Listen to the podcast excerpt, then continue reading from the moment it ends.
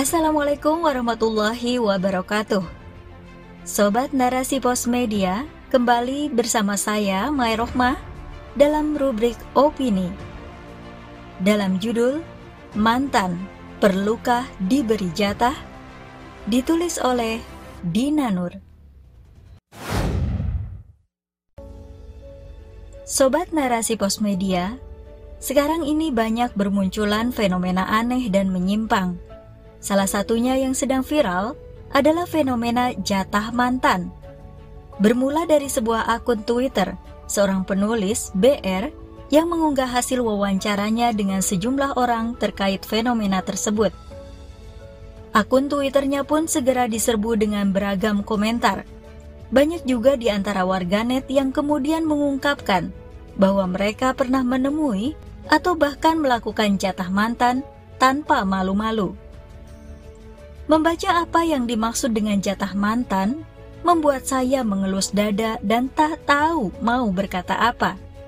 Rasanya campur aduk antara geram, sedih, miris, jijik, dan ah entahlah betapa rusaknya dunia saat ini. Kok ada yang seperti itu? Di mana rasa malu dan kehormatan manusia berada? Apakah pelakunya sungguh bahagia melakukannya? Sadarkah mereka akan konsekuensi yang menanti? Dari yang saya baca, jatah mantan adalah melakukan hubungan badan dengan mantan pacar sebelum melangsungkan pernikahan dengan orang lain. Merasa terpaksa karena dijodohkan dengan orang yang tak dicintai, hingga nekat berhubungan suami istri dengan sang mantan.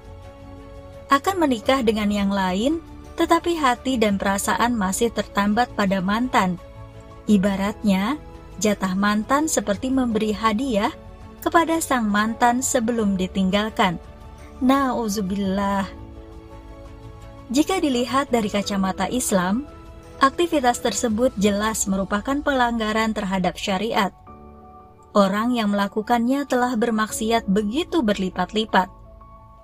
Dalam kondisi seperti ini, ia telah berdosa karena melakukan aktivitas pacaran, berzina, berbohong, dan melecehkan kesucian pernikahan. Berapa banyak keburukan yang didapat akibat pergaulan bebas yang amat kelewatan ini?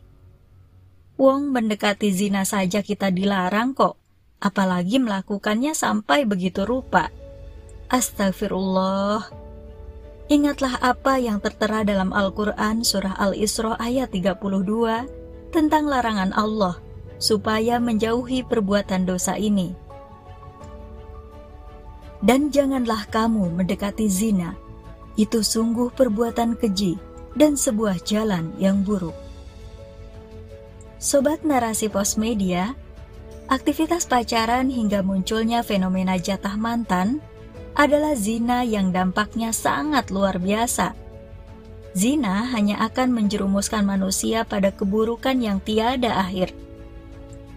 Allah sudah memperingatkan bahwa itu merupakan jalan yang buruk. Sungguh telah terbukti bahwa dampak zina amat berbahaya dan merusak. Kita saksikan adanya kasus hamil di luar nikah, aborsi, pembunuhan bayi oleh orang tuanya sendiri, dan kriminalitas lainnya terus saja marak. Sengaja melakukan hubungan terlarang dengan mantan sebagai kenang-kenangan sebelum menikah dengan orang lain merupakan tindakan melecehkan syariat pernikahan. Padahal, pernikahan itu adalah sebuah perjanjian agung yang pertanggungjawabannya kepada Allah. Pernikahan merupakan akad suci yang akan menghalalkan pergaulan antara pria dan wanita yang bukan mahram. Bila kita ketahui, kata pernikahan sendiri berasal dari bahasa Arab, an-nikah, yang bermakna berkumpul, bersatu, dan berhubungan. Berikut pengertian pernikahan menurut para imam mazhab. Menurut Imam Syafi'i, pernikahan adalah akad yang membolehkan hubungan seksual dengan lafaz nikah, tazwij, atau yang lainnya dengan makna serupa. Menurut Imam Maliki, pernikahan adalah sebuah akad yang menjadikan hubungan seksual seorang perempuan yang bukan mahram, budak, dan Majusi menjadi halal dengan sigot. Menurut Imam Hanafi, pernikahan berarti seseorang mendapatkan hak untuk melakukan hubungan seksual dengan seorang perempuan. Perempuan yang dimaksud itu tidak terhalang hukumnya secara syariat untuk dinikahi. Sedangkan menurut Imam Hambali, pernikahan merupakan proses terjadinya akad perkawinan. Dari pengertian di atas, semuanya semakna bahwa terjadinya hubungan seksual suami istri hanya sah dilakukan dengan adanya akad nikah terlebih dahulu. Di luar itu, maka termasuk zina yang hukumnya haram dan berdosa. Akibatnya pun bisa melebar ke mana-mana. Banyak hukum syariat yang akhirnya dilanggar oleh pelaku zina. Bagaimana dengan nasib dan nasab dari anak yang lahir dari hubungan zina? Bagaimana dengan kelangsungan pernikahan bila sang mantan masih saja dipikirkan? Apalagi melakukan hubungan terlarang di saat masih terikat tali pernikahan dengan suami yang sah ini akan menghancurkan banyak hati dan pernikahannya sendiri. Dan dosa itu pasti. Sudah bagus bisa mendapatkan kesempatan untuk menikah yang statusnya jelas dan halal. Herannya, kenapa malah lebih memilih pacaran yang ujungnya saja tak jelas dan diharamkan oleh agama? Sebegitu cintanya pada kekasih hati, hingga cinta sang pencipta pun tak dianggap. Di dalam pernikahan, relasi dan interaksi yang terjadi di dalamnya, bila diniatkan karena Allah, akan mendatangkan pahala. Sedangkan dalam pacaran, apalagi sampai melakukan jatah mantan, sudahlah terlarang, berdosa pula. Allah sudah memberikan rambu-rambu dalam pergaulan begitu jelas dan ada di mana-mana. Namun, masih saja manusia lebih tergoda pada kenikmatan duniawi yang semu. Pernikahan yang harusnya sakral telah dinodai oleh tindakan yang memperturutkan hawa nafsu. Pelakunya begitu memuja kebebasan hingga tak takut dosa. Apakah ia mengira bahwa Allah tak melihat perbuatannya? Apakah ia sanggup menanggung risikonya kelak?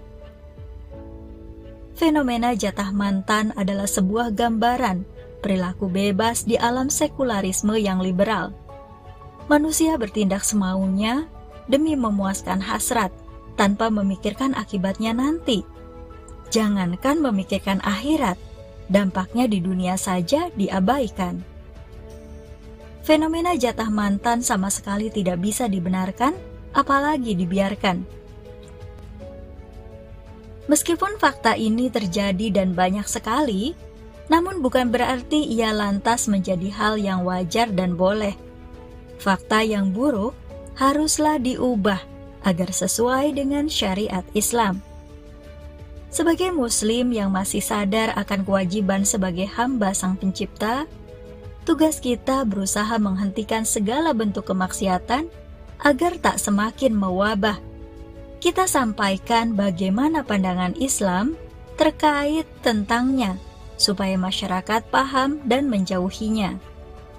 Memang tak mudah, karena pasti akan ada banyak tantangan dan ujian dalam menyampaikan kebenaran.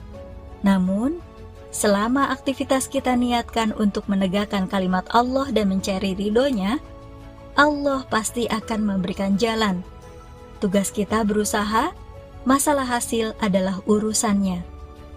Dunia ini telah diselimuti oleh gulita kemaksiatan.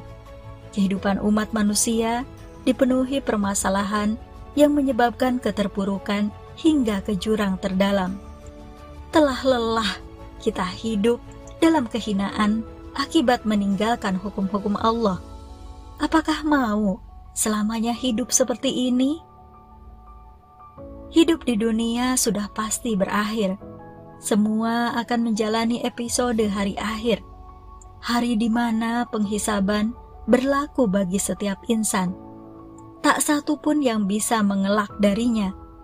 Akankah kita kembali dengan membawa amal yang seadanya, bahkan penuh dosa tanpa sempat bertobat?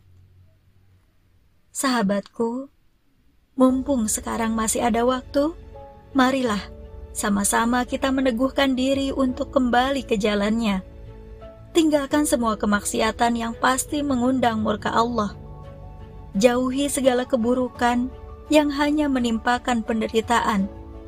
Hentikan setiap fenomena buruk akibat penerapan aturan batil. Buanglah mantan dan semua yang jahat pada tempatnya dan jangan pernah menengoknya lagi. Tinggalkanlah aturan yang buruk agar hidup kita tak terus terpuruk. Kini, saatnya kita untuk move on, segera menuju kebaikan. Jalan kebaikan adalah dalam Islam yang kafah. Kembalikan hidup kita agar sesuai dengan aturan dari Sang Kholik. Hanya dengan aturan yang hakiki itu, hidup kita akan mencapai pada kebahagiaan sejati dan keberkahan bagi semua. Wallahu a'lam bishawab.